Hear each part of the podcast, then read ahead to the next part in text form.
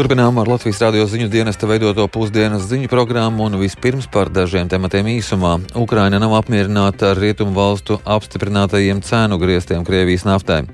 Migrācija ilgtermiņā būs tikai pieaugoša. Nodot, tāru un ziedot - tas ir jauns veids, kā ziedot naudu līdz cilvēku atbalstam. Par šiem un citiem tematiem pusdienas ziņu programmā.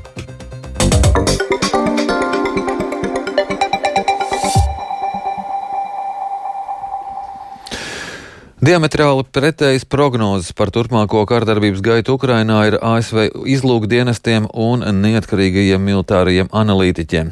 Ukrainas prezidents Zelenskis nav apmierināts ar rietumu valstu apstiprinātajiem cenu griestiem uh, Krievijas naftai. Vairāk par to visu stāsta Ulris Česbergs. Krievijas uzsāktais pilna apmēra karš Ukrainā turpinās jau desmito mēnesi. Ir sākusies ziema, kas var nopietni ietekmēt kara darbības gaitu tuvākajos mēnešos.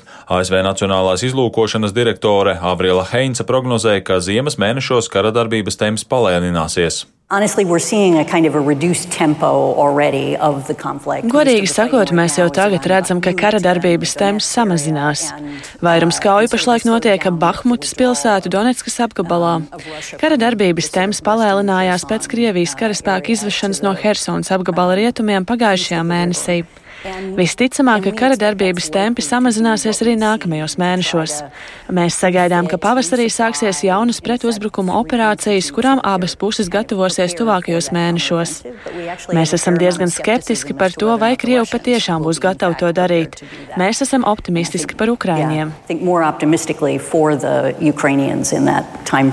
Uz jautājumu, vai Krievijas masveidīgie uzbrukumi Ukrainas kritiskajai infrastruktūrai ir samazinājuši Ukraiņu vēlmi pret pretoties, Heinza atbildēja noliedzoši.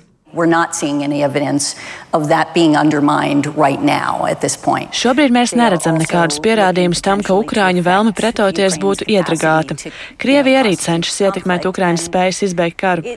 Laika gaitā tam var būt ietekme, bet tas būs atkarīgs no Krievijas tālākās rīcības, Ukrainas kritiskās infrastruktūras noturības un mūsu spējām palīdzēt viņiem to aizsargāt. Pilnīgi pretējās domās par kara darbības tālāko gaitu ir amerikāņu domnīcas kara izpētes institūts analītiķi. Viņuprāt, iestājoties bargākiem laikapstākļiem, kaujas operāciju tempi pātrināsies, jo īpaši Ukrainas austrumos. Analītiķi norāda, ka zemes virskārtai sasalstot ar smago bruņu tehniku būs daudz vieglāk pārvietoties uz priekšu, tāpēc ne Ukrainas, ne Krievijas spēki ziemas mēnešos neapturēšot uzbrukumus. Eiropas Savienība un G7 valstis piekdien vienojās, ka turpmāk barels Krievijas naftas nevarēs maksāt vairāk par 60 dolāriem. Šo sankciju mērķis ir samazināt Kremļa ienākumus no energoresursu pārdošanas. Ukrainas prezidents Volodimirs Zelenskis sestdien savā ikvakara video uzrunā sacīja, ka rietumvalstīm vajadzēja noteikt zemākus cenu griestus Krievijas naftai. Логіка очевидна, якщо обмеження ціни російської нафти 60 доларів замість, наприклад, 30. Loģika ir acīm redzama. Ja Krievijas naftas cenas limits ir 60 dolāru, nevis piemēram 30 dolāru, par ko runāja Polija un Baltijas valstis, tad Krievijas budžets saņems aptuveni 100 miljārdus dolāru gadā. Šo naudu novirzīs ne tikai karam, bet arī citu teroristisku režīmu un organizāciju sponsorēšanai. Šo naudu arī izmantos, lai vēl vairāk destabilizētu tieši tās valstis, kuras tagad cenšas izvairīties no lieliem lēmumiem. Krievija ikdienu turpina apšaudīt Ukrainas pilsētas un ciemus. Aizvadītajā diennaktī vismaz viens cilvēks gājis bojā, bet vēl pieci ievainoti Krievijas raķešu un artilērijas uzbrukumos astoņiem Ukrainas apgabaliem, tostarp Ļvivas, Ivano-Frankīvskas un Ternopiļas apgabaliem, kas atrodas tālu no frontes līnijas. Uldis Česberis, Latvijas radio.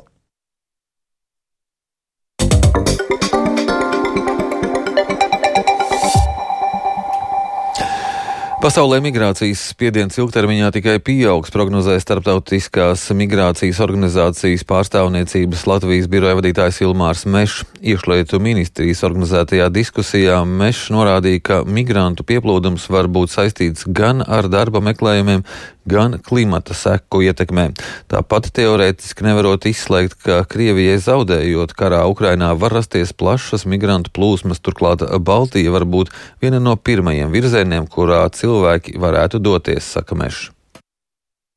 Migrācija ilgtermiņā būs tikai pieaugoša. Varbūt kāds gads būs mazliet uz leju, bet kopumā šis migrācijas spiediens no visas pasaules būs tikai pieaugošs. Tur ir jāgatavojas uz, uz daudz lielāku pieaugumu. Jautājums, cik daudz tas būs tieši caur Baltijas reģionu, cik daudz varbūt ierasto vidusjūras vai, vai citas. Latvija ir tik neliela pret Eiropas Savienības apjomiem, ka pat ja tas ir viens procents no Ukraiņu bēgļu tranzīta, vai vairāk mūsu gadījumā procenti, tas jau liek ļoti lielu slogu, pat ja viņi uzkavēs tikai dažas dienas. Ziedošanas iespējas nodrošināšana ir neatņemama mazumtirdzniecības tīklu ikdienas sastāvdaļa. Ziedošanas veidi veikalos pieejami daudz un dažādi, bet mainoties cilvēku naudas lietošanas paradumiem, tiek meklēti aizvien jauni ziedošanas rīki. Plašāk par šo tēmu Lindas Zalānas veidotajā ierakstā. Nodot taru un ziedot. Tas ir jauns veids, kā ziedot naudu līdz cilvēku atbalstam. Šāda iespēja vismaz pagaidām ir tikai Lidl veikalos, bet arī citi mazumtirdzniecības tīkli Latvijas radio sola, ka tuvākajā laikā šāda iespēja ziedot nodotās aras naudu būs.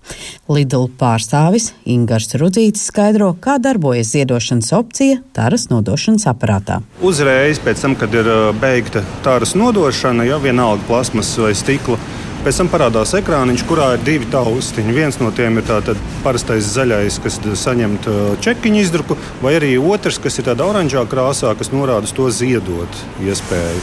Lidl taramāto ziedotā nauda nonāk senioru atbalstam projektā Vecums nav vientulība, kuru īsteno Latvijas samariešu apvienība. Pirmajos divos ar pus mēnešos šādi ziedoti 1300 eiro jeb 13 tūkstoši taras vienību. Ceram, protams, ka Ziemassvētkos, ka tas ziedošanas gars mūsos valda vairāk, ja varbūt šis skaitlis arī augs. Rimī pārstāvis Juris Šlējers teica, ka ziedošanas iespējas ir daudz un dažādas. Piemēram, iemest naudu ziedošanas kastītē pie kases, ir iespēja ziedot lojalitātes kartē uzkrāto naudu, iegādāties ziedošanas kuponu e-veikalā, pirkt konkrētus produktus, šādā veidā ziedojot naudu mērķim.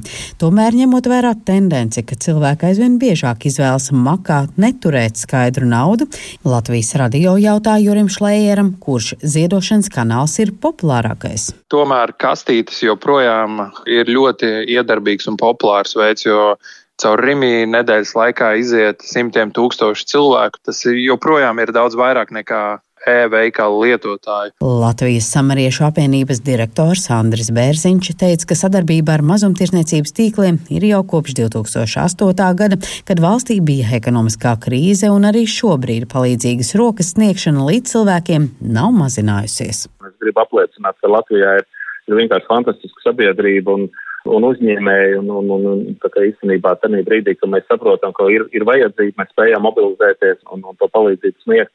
Un, un to mēs varam izdarīt gan senioriem uh, lauksētās, uh, caur, caur taromātu, gan arī ziedojot šo pārtiks paku. Andris Bērziņš ir pārliecināts, ka līdz cilvēku palīdzības sniegšana daudziem palīdz ikdienu pavērst gaišāku, kas īpaši svarīgi ne tikai Ziemassvētku laikā. Linda Zalāne, Latvijas radio.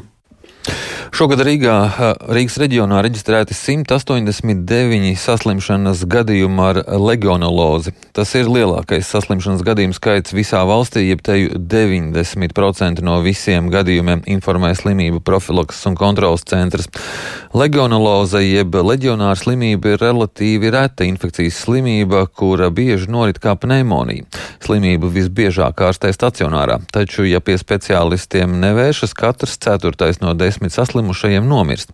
Piecu gadu laikā, ieskaitot šo gadu, kopumā reģistrēti 225 saslimšanas gadījumi, no tiem 26 bija letāli.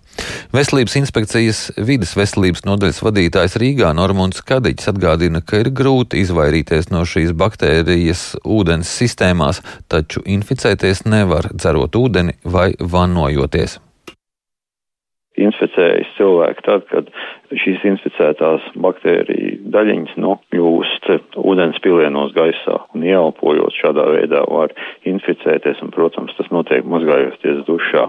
Šobrīd apkurs sezonas laikā e, līdz nākošā gada pavasarim ir atļauts apsaimniekotājiem šī te karstā ūdens temperatūru padošanas vietā samazināt. Konkrēti cik nav pateikts, jo, nu, diemžēl nav tās drošas temperatūras, kas ir zemāk par šiem te 55 grādiem, ka tas neradīs iespējamu leģionēlu savairošanos.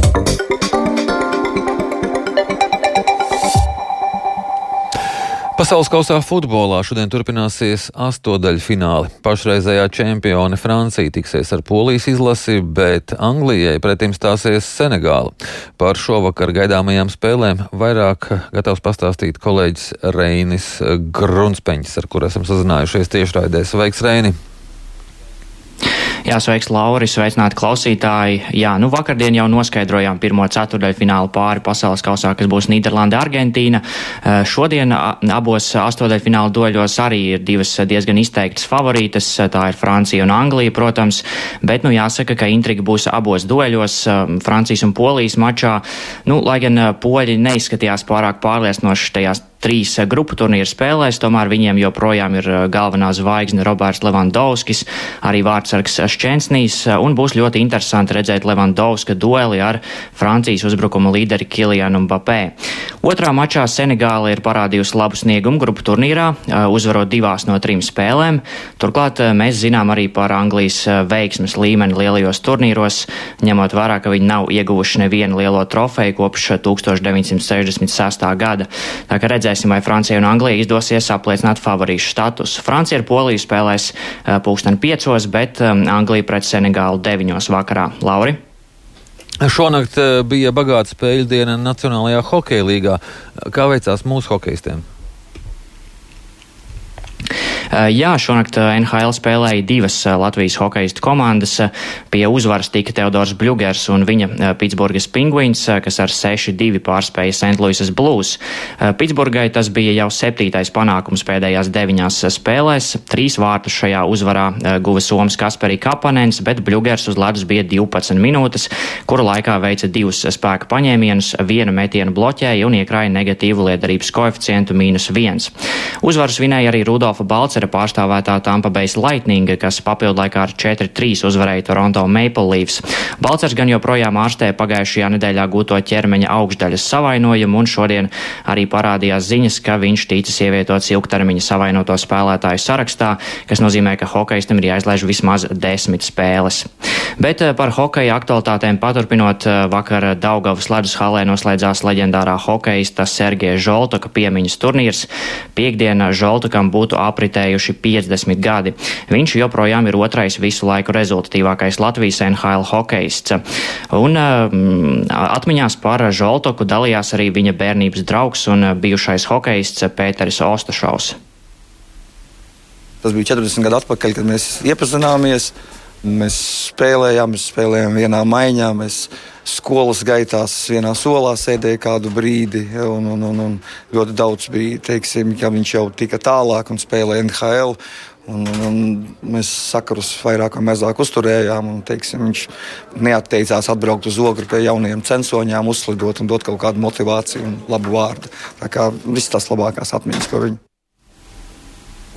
Latvijas komandas treneris Žoltaku piemiņas turnīrā bija Leonīds Beresņevs, kurš arī atminējās savus spēlētāju karjeras gadus eh, Rīgas Dināmo komandā 90. gadu sākumā. Это особенный турнир, потому что это юбилей. Šis ir īpašs turnīrs, jo Sergejam ir 50 gadu jubileja. Turnīrs ir labi organizēts. Halle, kurā spēlējam, ir brīnišķīga. Man par Žoltoku ir īpašas atmiņas. Evalds Grabovskis savulaik izveidoja piecinieku, kuru uzbrukumā bija Vitoļņš, Žoltovs, Pantelējevs un es ar Ozoliņu aizsardzībā.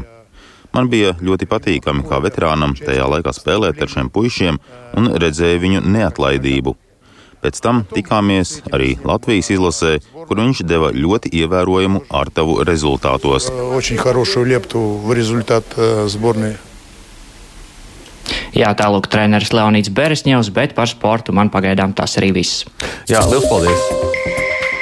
Un ar to izskan pusdienas ziņu programma. Radījuma producents Edgars Kupčs, ieraksts montēja Kaspars Groskops, pieskaņa pults bija Mārtiņš Paeglis, bet studijā Lauris Zvenieks.